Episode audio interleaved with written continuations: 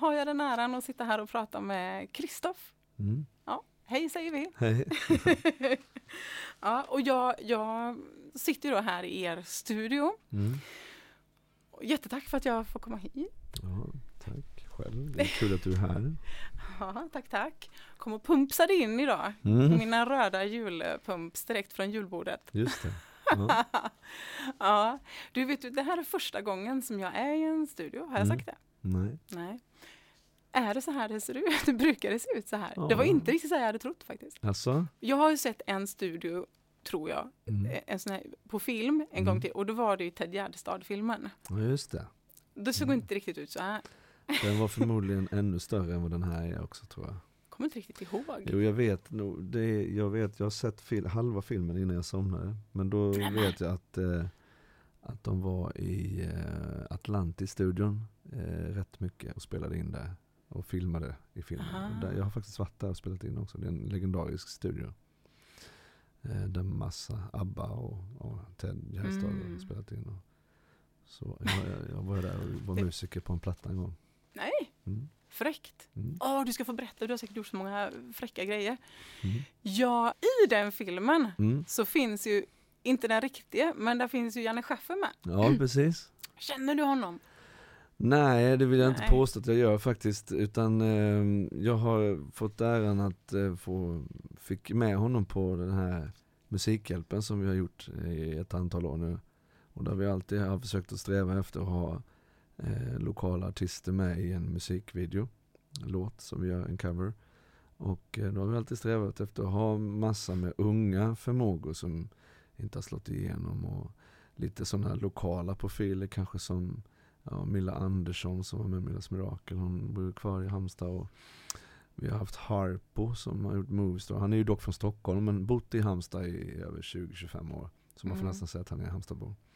Ehm, och sen har vi försökt få med lite tunga namn sådär ibland då. Och Mariette är ju en Halmstad-tjej också Mm. men hon är ju väldigt, är väldigt stor just nu och har varit Mm. ett tag liksom.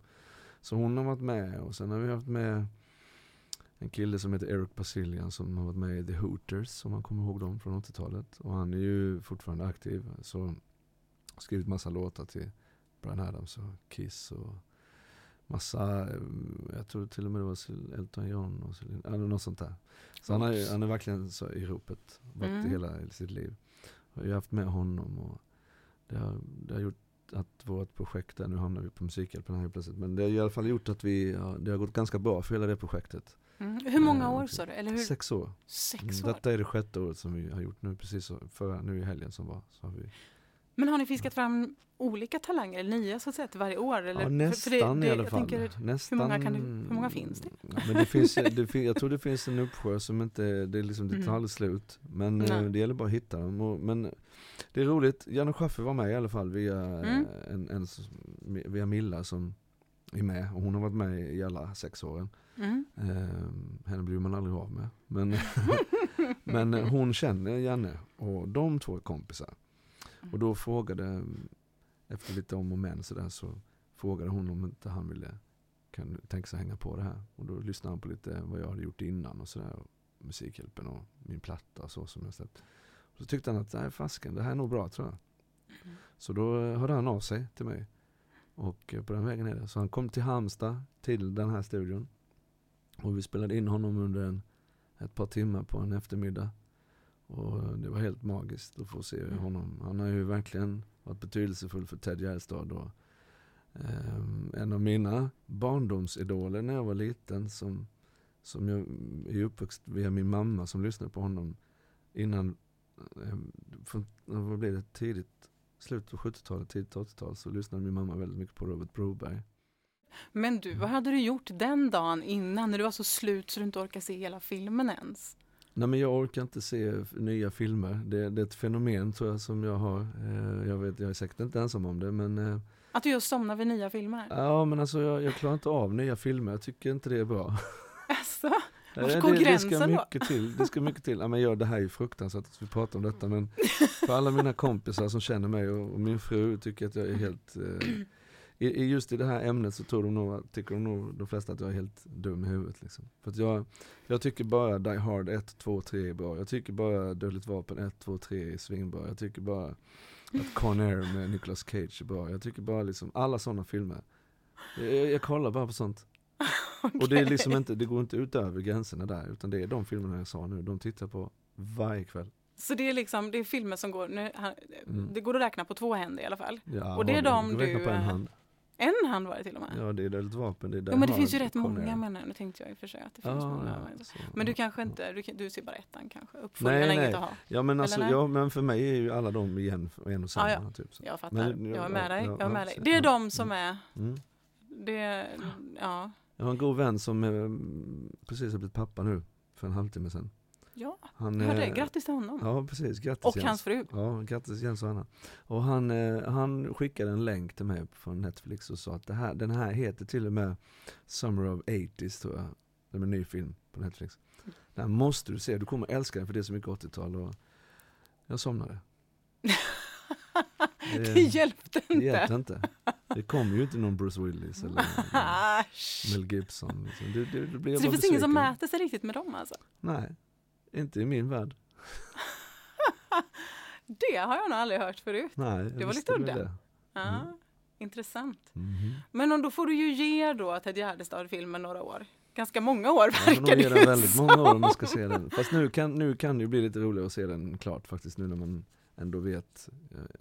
Ja, det är en annan kille som är med i den filmen faktiskt som spelar i det bandet då som ska figurera Ted Gärdestads band som jag har haft tillfället att spela med också innan.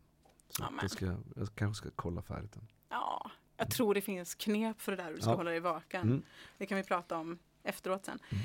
Ehm, men Jenny Schaffer, eh, Mm. jag, var ju på, jag var ju på galan i lördags. Mm. ehm, som vi ska prata mer om alldeles snart. Mm. Och det, jag tror att det kan ha varit Jenny Schaffer på, på länk eller på ins, in, det var ett inspelat klipp tror jag. Just Det var han eller så var det någon annan Mm. som sa, de sa ju så mycket fint om dig, Mhm. flera stycken. Så att Mm. jag satt och blev nästan rörd i publiken. Ja, okej. Fast jag inte känner dig. Mm. Eh, Men eh, då var, om det var han eller någon annan som sa så här.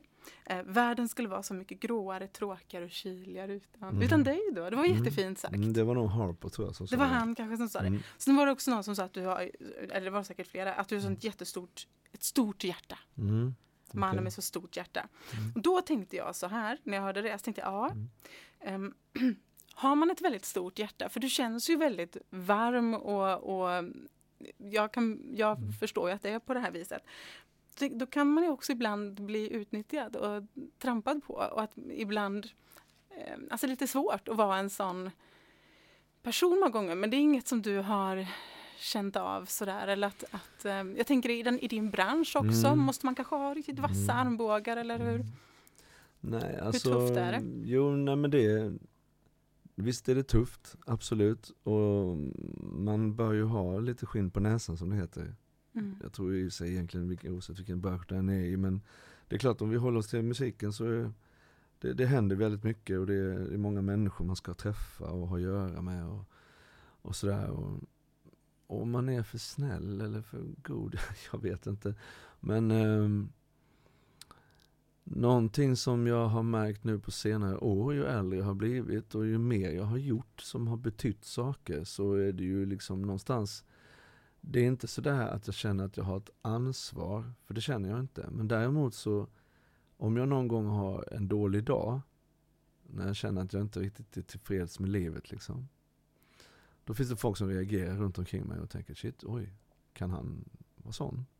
Mhm. Och det kan jag känna är lite jobbigt därför att jag är ingen, jag är inte den, jag har ett jättestort hjärta och Mm. jag vill gärna slåss för mänskliga rättigheter och jag är uppfostrad med det liksom i min familj eller med min mamma. Hon är väldigt mycket sån. Jag har fått allt av henne. Mm. Men eh, så därför kan jag bli lite sådär jag kan få lite panik ibland när folk liksom träffar mig kanske en, en dålig dag och folk kommer till studion och jag är inte alls anträffbar i, mentalt liksom. Hur blir du då? då? Nej, jag kan vara, dels kan jag vara ganska tyst, jag kan vara, tror jag, jag vet inte detta, men jag känner på mig att jag själv upplever att jag kan vara lite otrevlig ibland.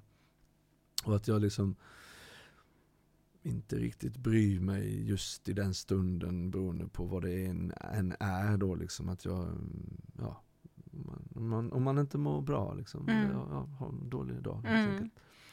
Och det kan vara lite sådär för då folk har liksom alltid det har ju blivit så att folk tror att jag är så himla god och har så stort hjärta och yeah, det har jag men jag är också en människa, jag är liksom inget, jag är inte mer än någon annan.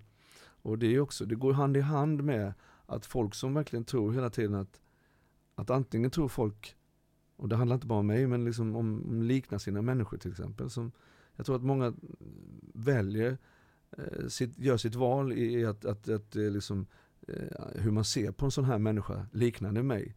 Antingen så tycker man väldigt mycket om honom och, eller henne och, och ser upp till det här och blir förundrad och uppslukad av, av, av det som man gör och så vidare. Eller så väljer man kanske att inte tycka någonting alls då för att man tycker att nej, men han ska nog inte tro eller hon ska inte tro att han är någonting eller sådär.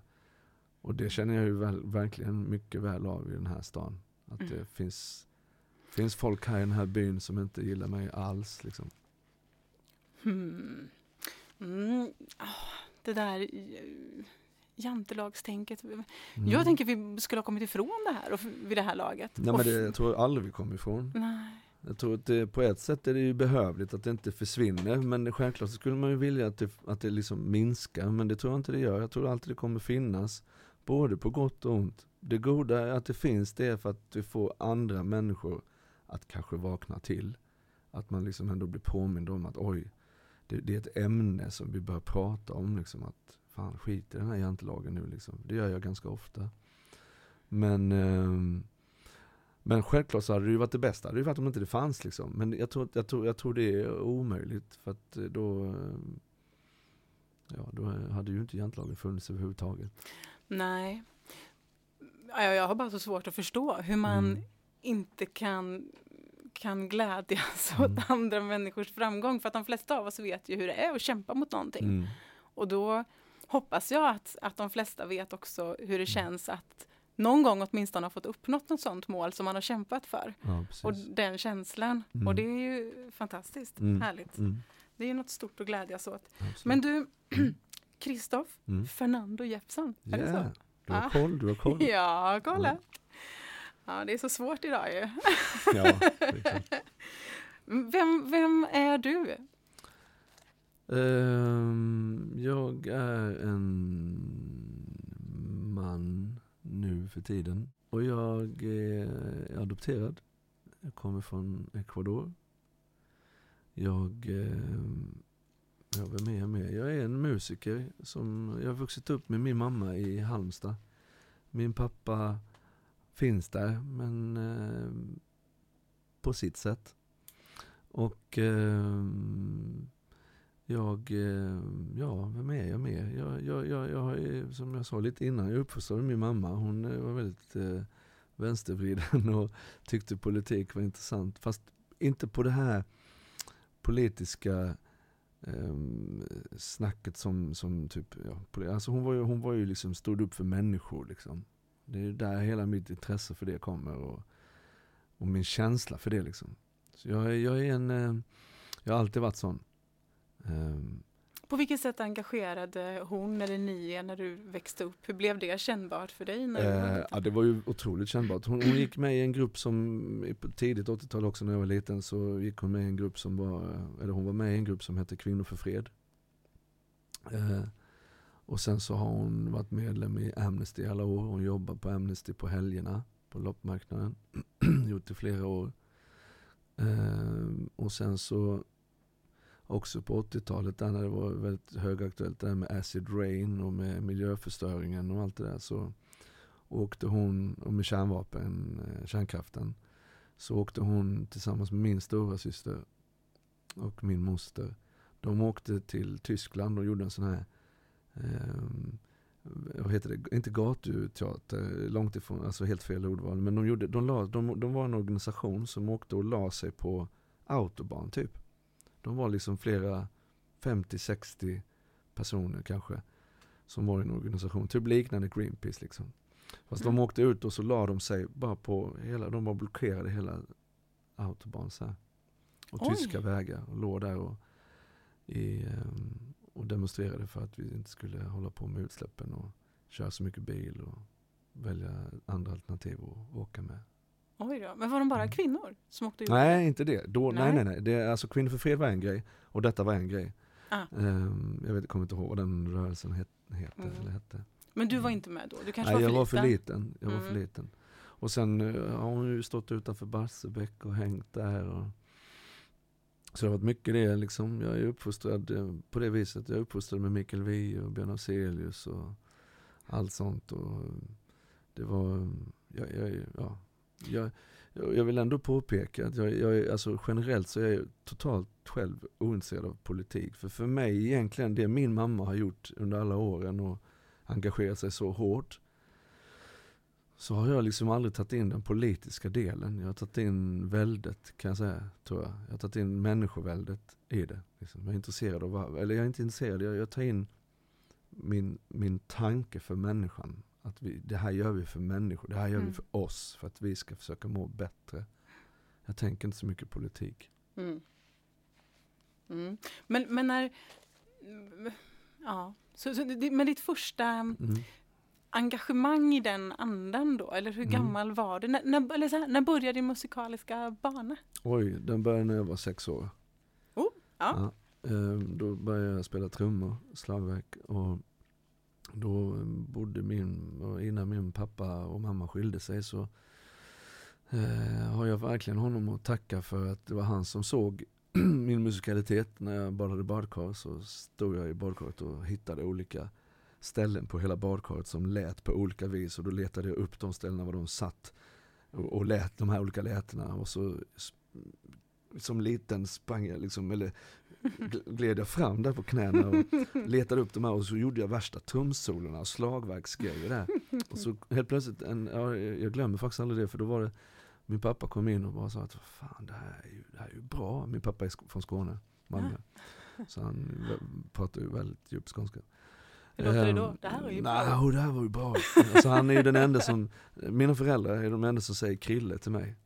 Ehm, Det är ingen annan som gör det. Men eh, de gör det. Så han sa, Krille det här låter jättebra. Och, så. och då tog han i alla fall mig sen till en, en privatlärare som lärde mig att spela. Ah. Där började det. Musikaliska intresset. Ja, ja, ja.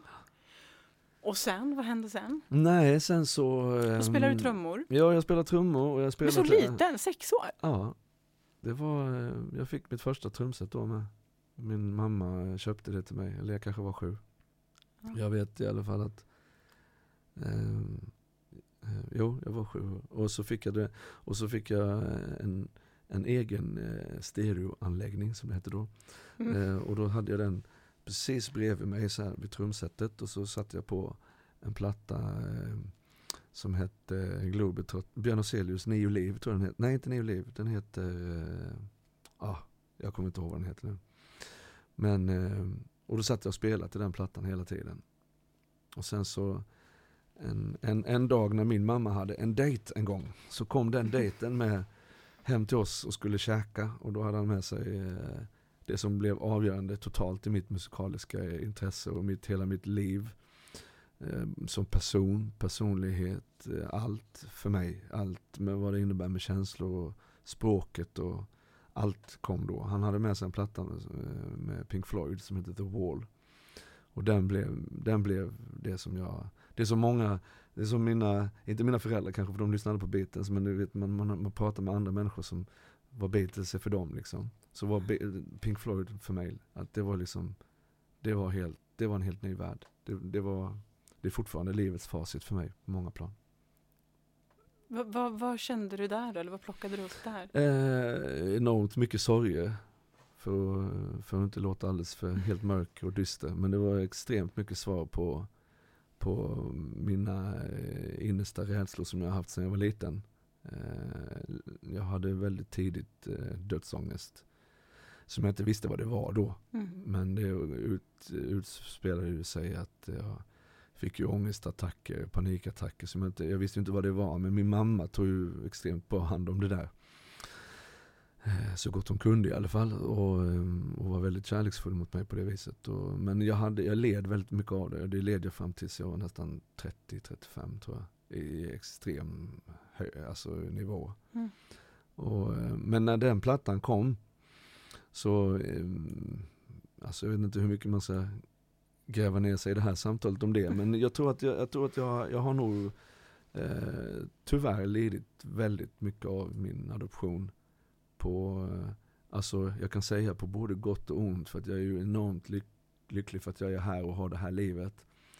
Men jag tror även fast jag skulle få veta en anledning till varför min biologiska mamma eller pappa har lämnade mig. Jag är ett hittebarn för det första då på en gata i Ecuador.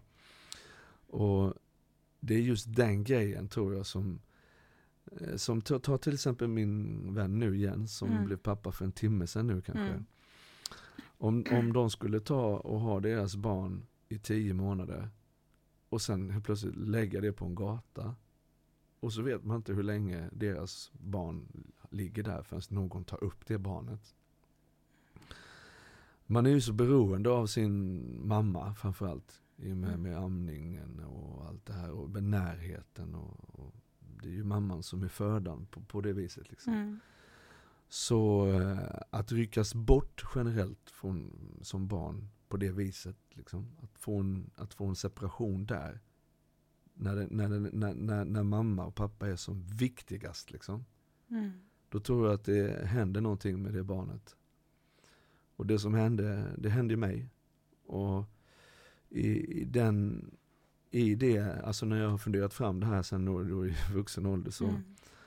så har det liksom, det har väl blivit lite bättre när jag har tänkt så. Men det är också tyvärr bara, finns fortfarande kvar den sorgen. Hela tiden. Den har jag nog i mig varje dag. Mm. Eh, hur tidigt har du vaknat i den eller de tankarna? För jag tänker man måste väl ändå vara lite, mm. vara så pass gammal som man, som man mm. för, för ett tag när man, är, när man är mm. väldigt liten, då är man ju bara i det mm. som mm. finner sig tänker jag. Men sen, alltså vad tror du, eller vid vilken ålder, när kom, när började du grubbla på de här sakerna eller fundera mer över vad som var bakom? Jag var tio, mellan 10-12 år så kom eh, det snacket liksom. Um, jag hade ju, när jag, eh, när jag var sju eller sex år där så, och när den här plattan kom, för det var där vi började lite ja, tror jag med The Wall. Mm. Så var det The Wall, mm, rent, eh, alltså eh, hela det konceptet, den handlar ju om någonting helt annat. Fast den handlar ju faktiskt om också hans förlust av, av sin pappa till exempel. i, I ett ämne i plattan. Så ehm, den uttrycksformen rent musikaliskt som de har gjort det var en fullträff för mig. Jag visste mm. precis, alltså innan jag ens visste vilka de var, de känslorna, om det hade varit musik för mig, så var plattan liksom. Mm. Så jag var ju livrädd för den plattan. Jag vågade inte lyssna på den, för den besvarade allt. Den var, det var mitt öppna språk. Mm. Så det var, ja, det var totalt magi var det. Ja, jag förstår. Men tänker du så här, jag har ju uppenbarligen inte haft någon sån innerlig kontakt med musiken. Mm. Mm. Um, tyvärr höll jag på att säga, men, men, men det, det låter ju jobbigt också. Sen förstår jag ju mm. att när jag lyssnar på dig och jag tänker säkert för många andra att musik nog kan vara medicin och hjälp. Mm. mm absolut. Många gånger, kanske också i och för sig eh, som du lite också säger, att det nästan kan förstärka ens känslor mm. nästan ibland till det mm. negativa ja, också absolut, kanske. Absolut. Samtidigt så hjälper det att komma ut, ja. det som finns där. Ja. Jag brukar säga det att det, det, det, det är liksom lite klassiskt och lite klyschigt sådär, men till exempel mm. när man när man är med om sin första tjej och man är superlycklig och då lyssnar man ju på säkert skitbra härlig musik och så har man minnen till det. Eller när man skiljer sig eller separerar. Så jag vet min mamma, återigen, när min pappa dog, så det var en katastrof. Det, jag har aldrig, aldrig upplevt en människa så ledsen sen dess. Jag har sett många ledsna människor i mina dagar men det var det värsta jag varit med om. Hon lyssnade på en låt som heter Jag älskar dig ditt helvete. Med Robert Broberg. Och det var också ja, sån här fantastisk låt liksom. Och då var inte jag gammal, jag kunde den innan ut. Det är ingen bra grej det där alltså. Jag hör ju det nu när säger det. Så man ska lyssna lite i, i fred då för sig själv kanske. Ja, lite så. När de är så talande låtarna. Ja. Nej, men jag menar bara liksom Ja. att det, All, all musiken följer med, man väljer följer med, musik man efter, väljer en, det, efter precis. sitt Ja. Mm. sinnestillstånd. mm, Ja. mm. ja, det kan jag ju relatera till. Det tror jag alla kan. Ja, Ja. ja. Mm. Och sådär, den här känslan måste väl alla haft, att man någon gång hittar något som bara, ah, men det Mm. där är exakt, Mm. exakt så. Visst. Men, mm, ja. Jag ska, jag, ska inte, jag ska inte säga vilket mitt, för det var ditt första album, sa du det som du fick? Eller ditt första skiv? Pink Floyd? Ja. Ja. ja. Vet du vilket som var min första? Nej, säg. Jag vill veta. Det var Mr Music eller sånt där. Nej, det var inte Nej.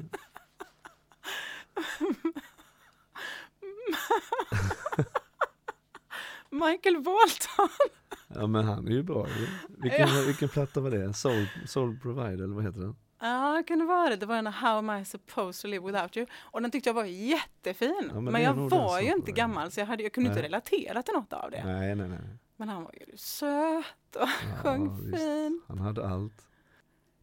Jag kom på det nu att jag hade inte behövt skämmas. För jag kom på när du, du drog ju det här med de här filmerna förut. Så det var ju inte så konstigt. det, Nej, det var väl nästan givet att du skulle Ja, gilla honom. Ja det är klart. Ja. Men så känns du ju lite tuff och lite svartklädd och lite fräck sådär. Så att du känns ju inte som Michael Bolton eh, Nej. ty, typ. nej. Ja. Ja. Men du, ehm, jag tänkte, det är egentligen nästan lite tillbaka kanske till det vi pratade om förut, Mm. när, vi, inne- när jag pratade, eller vi pratade, eller nämnde Janne Schaffer och så, Mm. och ditt eh, stora hjärta. Mm. Hur är musi- musikervärlden? För att jag, jag förstår att du har ju lite kontakt och träffar, du är ju liksom round and about, eller vad säger man? Mm. Eh, och, och är, det- är, man, är en enda stor familj? Är man öppen och bjuder in och hjälper varandra fram? Mm. Eller är det lite rivalitet och lite alltså, tufft sådär med, med vassa armbågar och sådär? Eller hur, hur funkar det i den det, branschen? Oj, det här skulle vi kunna ta och prata om i en hel eftermiddag tror jag. Men eh, för att summera det kort. Ja. Så ehm, Ja alltså för, ja, men li, lite som jag sa innan också som du menade att man gå tillbaka till det här men mm, Det är nog ganska många vågar jag nog påstå utan att Även om det här kommer ju kanske släppas offentligt och sånt, det, jag, bryr mig inte, jag bryr mig inte längre om sådana saker utan det Jag vet om att det finns folk där ute som inte gillar min grej liksom, vad jag gör. Och det får stå för dem och Men det- pratar, pratar du vanligt folk nu så att säga? Eller pratar Nej, du jag om i din pratar bransch? om i min bransch. Alltså. Mm, ja. Det finns säkert de där ute också som inte är i musikbranschen. Men ehm, det finns liksom, alltså, ja men vi, vi är tillbaka till det där med jantelagen. Vi är tillbaka Mm. det här med prestiger och, och sådär. Och folk har egna uppfattningar och fördomar. Det ska man ha. Men man får vara försiktig också. Det är liksom det finns folk som, ja men som du sa nu precis, att man ser kanske lite cool ut och med lite smycken och grejer och så. Nu har jag ganska lite smycken på mig ändå. Men, men, och lite svarthårig och liksom har den här stilen och, och sådär. Liksom, som- Kan det störa någon menar Jag du? tror att det gör det. Jag tror det. Men, hur eh, gamla är vi då? Nej, vi, vi blir väl aldrig gamla. Det finns ju överallt. Det där, jag tror inte det tar slut. Men däremot, bara för att svara på frågan, Mm, mm. så tror jag att eh, Halmstad är så litet fortfarande. Så han liksom, gemene man har inte råd att, att hjälpa någon liksom. För att då blir det liksom, då kan det gå bättre för den andra. Och gör det det, då är det inte kul Mm. tydligen. Eh, så att jag har valt ganska medvetet att dra mig tillbaka. Jag samarbetar extremt lite med folk i stan. Och de jag har, till exempel de här studior som jag driver nu, tillsammans med mina två kamrater. Det har tagit lång tid för mig att hitta dem och dem att hitta mig och att vi ska funka ihop och sådär liksom. Och då har jag ändå varit kompis med en av dem i över 25 år som är en av mina bästa vänner. Men eh, nu vet vi så väl vad vi har varandra. Så att eh, ja, vi vågar lita på varandra. Eh, och det är jag väldigt, väldigt glad för. Jag, för jag, jag, det finns en kamp i den lilla musikerhålan här i Halmstad. Och jag ställer mig utanför den. Jag har ingen lust att vara i den. Jag, jag gör det jag vill. Mm. Vad bra! Och Ja. bra gör du, det tycker jag. Ja, tack. Ja, det är sorgligt. Jag blir lite ledsen när jag hör det, men samtidigt Mm. känner jag igen för Mm. att det är nog så i många branscher. Ja, det är så. Eh, och- Ja. Mm.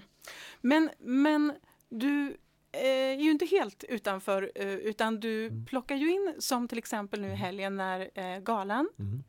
gick av stapeln, allas rätt att funka olika. Yes. Ja. Mm. Eh, hur, kändes, hur kändes det? Nu har, du, nu har du gjort det här, det är en årlig grej, men hur, Mm. hur Ja, nu, nu, är det liksom, nu är det över så att Mm. säga för den här Mm. gången. Mm. Mm.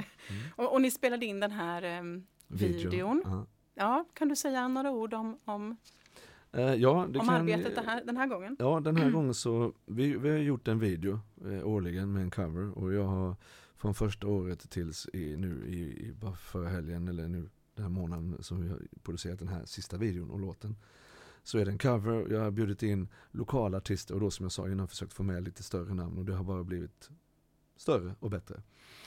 Ehm, och då har jag ju liksom, jag har ju gått på människor som jag an, alltså helt sådär bara sett på Instagram eller på Facebook eller som är Halmstad-relaterade. Eh, eller via kompisar som, där jag har sett någonting liksom, där, som jag tycker om. Eller liksom eh, mina personliga möten till exempel. Så, här. så det är rätt många i, i, under årens lopp eh, som, i musikvideorna för Musikhjälpen som jag har hittat på det viset. Det är ganska oroliga tider vi lever i nu, Mm. på många sätt. Mm. Och jag, tänk, jag funderar väldigt mycket på det, det tar mycket plats eh, i, i min vardag, i mitt huvud. Och jag Mm. gissar att det gör det för dig också. Mm. Eh, och framförallt, du har ju barn och det har Mm. jag också. Och då Mm. tänker man kanske ännu mer i de banorna. Mm. Vad det är vi lämnar efter oss och sådär. Eh, vad, vad upplever du som de största hoten? Vad tycker du är i de här grubblerierna, vad är det Mm. som upptar mest av, vad, eller, av din tid eller ditt, dina tankar och vad... Alltså det som jag tycker är, när jag tänker på just sådana saker som du säger nu så, Mm. så jag är väldigt orolig för vad sociala medier och internet har, har gjort för, för oss liksom. Hur det har påverkat oss. Det är ju fantastiskt bra. Alltså jag, det är lika mycket som jag har och skulle kunna hylla det så är det ju lika jävligt liksom. Det har gjort någonting med oss eh, och framförallt den yngre generationen Mm. som eh, är inte bra alls. Det finns så mycket, där, det är så högaktuellt också med, med att eh, yngre människor går in i depressioner och inte mår bra. Det är inte så jäkla konstigt liksom. Det är ju, det är ju ganska naturligt att det är så faktiskt. På, på, på ett rätt tragiskt sätt liksom. Sen tycker jag att, att eh, jag tycker att eh, folk eh, både i våran ålder men också väldigt mycket i, i den yngre generationen så, så är det så oerhört mycket attityder. Eh, tuff har man alltid velat vara tror jag, men det är på ett annat vis nu. Det finns Mm. ett annat språk där ute som inte jag förstår. Såklart, och det ligger väl i utvecklingen men det är också en utveckling som är lite eh, obehaglig tycker jag. För att någonting som jag märker ganska tydligt det är att ehm, på ungdomar, jag har jobbat lite, jag har vikarierat i skolor och sådär ibland. Och då ser jag, märker väldigt mycket att det, det är mycket attityder. Men de har ingen koll på vad det är egentligen. De har ingen koll på varför de, har, varför de måste bekräftelse på, på att vara tuffa och coola och, och sådär. Och de som inte är det, de är ganska försiktiga. De går med ryggarna böjda liksom och de har inte så mycket mer att säga liksom. Och i, alltså gemensamt för båda de här parterna, de som tycker att de är coola och de som är mindre coola, som går liksom lite vid sidan om. Jag tror det finns lika mycket depressioner i båda lägren. Det är bara det att det är på olika vis. Och den gemensamma nämnaren, jag har säkert fel, men som jag ser det så, så tänker jag så att när jag, jag kan ta det på mina egna barn i, i viss mån. Att det saknas, man har liksom missat att man är människa.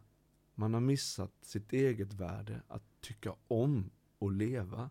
Man har missat liksom att man har missat den här glädjen. Det, lek finns inte lika mycket som det fanns, tycker inte jag i alla fall.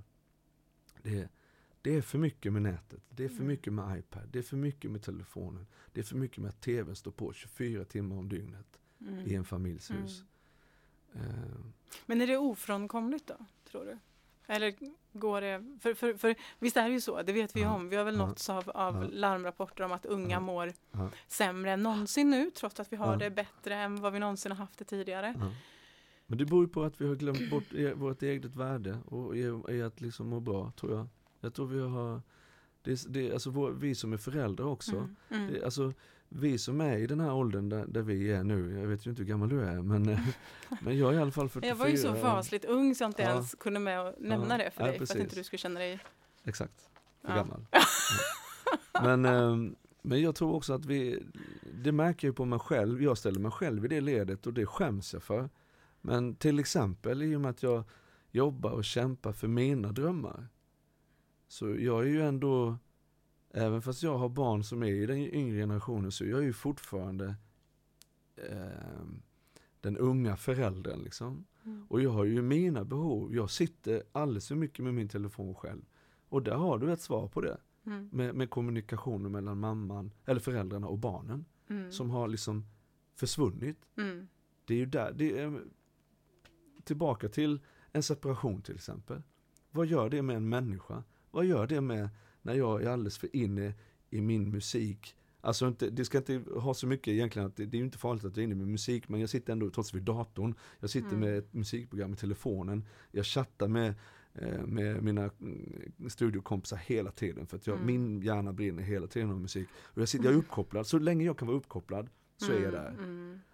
Och, och det är inte bra. Nej. För det, det, det, det tar bort mig från mina barn. Mm. Det har min fru sagt nu och jag är väldigt glad att hon har sagt det. Mm. Fast jag har varit medveten om det hela tiden för att jag ser att andra gör det. Men jag tror, jag har inte trott att säga att nej men inte jag. Jag vet om att jag gör så. Det är bara att jag behöver också ha någon, lite, lite tillbaka också till det här liksom att jag, jag är en god människa, ja. Men jag, jag, jag, jag gör också fel. Det är klart jag gör. Jag gör jättemycket fel i mitt liv. Jag har gjort så mycket Mm. fel så att man ska sluta tänka på hur mycket fel man har gjort kanske. Men, men förstår du vad jag menar? Jag förstår vad du menar Ja. och det känns ju som ehm, att ehm, vi gör det väldigt mycket svårare för oss. Mm. Men framförallt för, för generationen nu efter oss. Mm. För dem att hantera de verkliga sociala relationerna. Mm. Och vi pratade ju om när, när, när det tog slut mellan din mamma och, och den Mm. här eh, Ja, det var ju din mamma och din pappa ja. Mm. Ehm, och, och alltså så, separationer, förluster. Mm. Jag tänker att förmågan att hantera det Mm. eh, men också säkert att fördjupa sig i kärleksrelationer. Mm. Jag kan tänka mig att det har en inverkan, det här som du pratar om, på, på allt det där verkliga. Mm. Vi kopplar av för känslorna för att när, det, när man sitter med en skärm då Mm. behöver man ju inte gå på något vis, då är det du och skärmen och du avgör ju Mm. själv vart Mm. du vill sätta ditt filter och då behöver du inte släppa in det där som du tar in på Mm. bara en skärm. Det behöver inte gå hela vägen in så att säga. Nej, precis. Eller ja. Ja, alltså jag, jag är väldigt glad nu för sommaren som var nu då 2018 så eh, hade jag till exempel, i och med att jag jobbar på Tylösand och spelar där i deras pianobar typ Mm. varje helg hela året. Förutom juli månad. Då spelar jag någon annanstans på Tyllehus. Och det hade jag som ett förslag att eh, få spela på ett ställe där som heter Bettans. Som, eh, känner du till det? Jag känner till. Ja. Kanske inte alla lyssnare, men jag Nej. känner till. Och då så är det i alla fall, det, det ligger ju precis vid eh, sanddynerna och eh, på en eh, hög skulle så här och så är det ett stort trädäck. Och där har jag fantiserat, innan jag började jobba på Tyllehus och spela där för fem år sedan, då var min dröm att få spela på just den lilla restaurangen tillhörande Tyllehus. Och på det trädräcket. För att den, jag bara kände att det här är så rätt. Och så efter fem år, nu i- då i år, så, så gick jag till en av mina fina kollegor och tillika chef där och så sa jag att du nu, nu är det dags. Nu är jag så redo för det här och jag måste få göra det nu, ni kan inte säga nej. Och då så sa de, åh, det var mycket där. Och, och sen så fick jag igenom det och sen blev det total succé. Aj, gött! Så det var riktigt, riktigt Bra skönt. känsla. Ja, det var väldigt, väldigt bra känsla och det, var, det var så bra känsla så att till och med han som äger stället, han bokade loss varenda tisdag och satt och lyssnade. Och det var också väldigt sådär, det kändes bra. För att han är ändå också en sån här, han är en väldigt stor inspiration för mig. Personligt liksom, hur han har skrivit musik och texter och så. Så det var väldigt kul. Mm, förstår det. Väldigt, väldigt. Det är jag väldigt stolt över. Ja. Men du, som, som musiker idag, mm. eller säger man, om man säger musiker, det ja. täcker över ganska mycket. Tycker jag. Vi pratade om, förut pratade om gitarrist, om man var mm. gitarrist och mm. om man kan säga musiker, sångare, och jag vet inte. Nu, mm. jag säger musiker nu. Ja. Um, jag tänker så här, det, det man drar in, det låter väldigt sådär kallt kanske, men, mm. men det man drar in pengar på, det mm. måste ju ändå vara när man är ute, ja, det är när jag är ute och spelar. Och spelar. För att jag tänker hur, hur det funkar idag för en människa som, som mig som är helt mm. utanför den här branschen. Mm. Vi snackade ju förut om våra första album och mm. jag hade ju, hade du också sådana här schyssta CD-pelare? Mm. Nej, det hade jag aldrig. Det hade Nej. jag aldrig. Hur förvarade du dina då? På golvet. Öppna, ah, ja, utslängda. Ja, cool kille. Ja, jag var ju redo, jag hade mina i bokstavsordning ibland, färgskala ibland ja. om jag var på det humöret. Bra där. Det blev inte så mycket till färgskala i och för sig, för det var ju, blev ju väldigt många Mr Music sen. Mm. De var ju svarta allihop på sidan.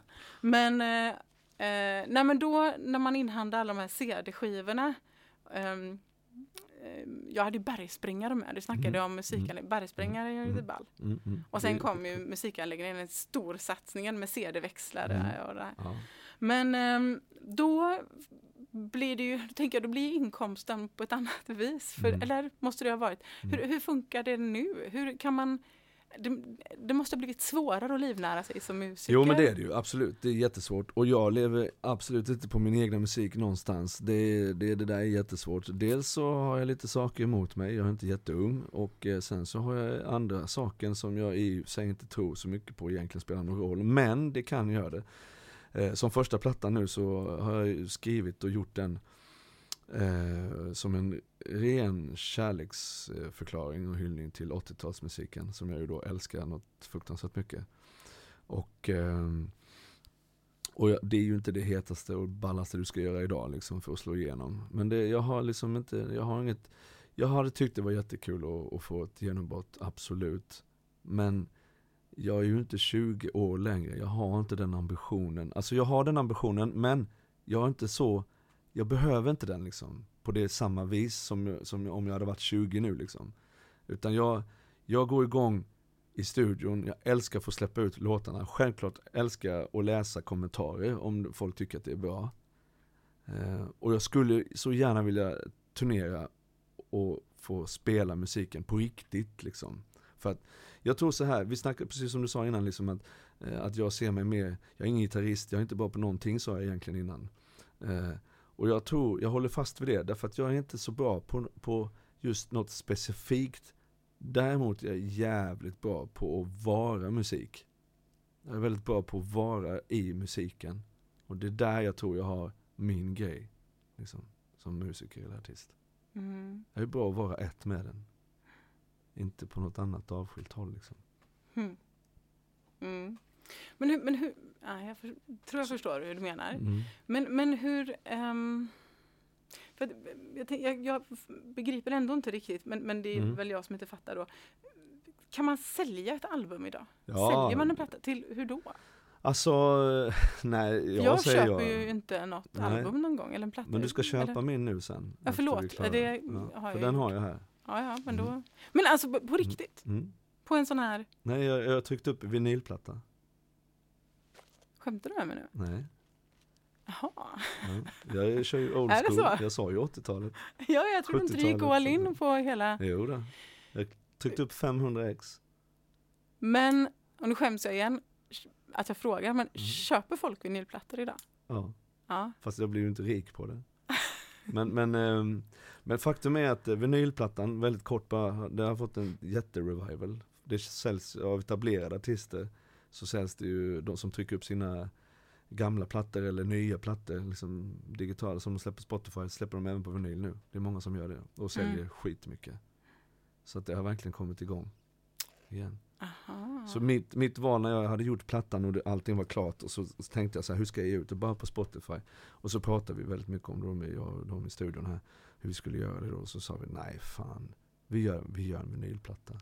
Vi släpper det på vinyl, det är så jävla häftigt. Så vi gjorde det.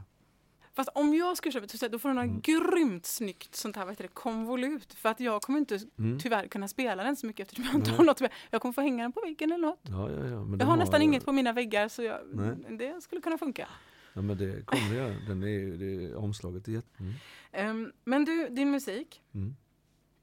Du pratar om att du är, eh, du är i musiken. Mm. Hur, hur skulle du beskriva din musik annars? Nu pratar du 80-tal på den här Mm. plattan, men Mm. vad gör du för musik annars? Vad är din grej? Eh, nej men det, jag har, alltså det där är så kul för att jag, jag, nu har jag gjort den första plattan och det är verkligen, det är alltifrån eh, det låter Peter Gabriel, det låter Dan Reed, det låter liksom, eh, ja allt, allt sånt godispåse från 80-talet liksom. Och det är verkligen skrivet från hjärtat allting liksom. Ehm, och, och, och jag har nu, nu när den plattan är släppt och vi försöker promota den så mycket som möjligt. Jag har ju inget skivbolag bakom mig så jag gör ju allting själv. Det är bara Facebook typ då. Men, eh, och trakassera folk på chatten och skicka mina länkar och allt sånt här liksom. Så jag gör ju allting själv på det viset. Men däremot så har jag bestämt att jag ska göra en platta till nu som jag precis har börjat på. För bara någon månad sedan. Och jag har skrivit massvis med låtar, hela fem stycken. Eh, och, Mm. och nu är det så himla kul, för att nu har jag gjort min första 80-talshyllning. Nu kommer plattan nummer två. Och den ska bli precis så som jag själv vill ehm, bli drabbad när jag hörde Pink Floyd första gången. Så den kommer bli, den kommer vara i det landet liksom. Så jag byter totalt skillnad här nu, liksom. jag byter verkligen nytt land. Så ehm, jag packade mina väskor och drog till en annan platta och den är på gång nu. Men du, avslutande. Mm. nu tänkte jag att eventuellt kan det vara så Mm. att vi kan uh, sjunga jullåt ihop. Ja. Mm. Du, eh, vad, vad, nu vet jag inte vad du har planerat för Nej. oss. Jag skickade ett kaxigt mess till dig igår var det va? Att jag Okej. kan allt. Jag kan ju alla Just låtar det. så du kan egentligen Ah. bara välja något så bara jag fyller in så att säga. Mm. Ja, du menar att jag ska spela nu? Ja, det kan vi väl göra. Okej. Ja, Mm. ifrån. Mm.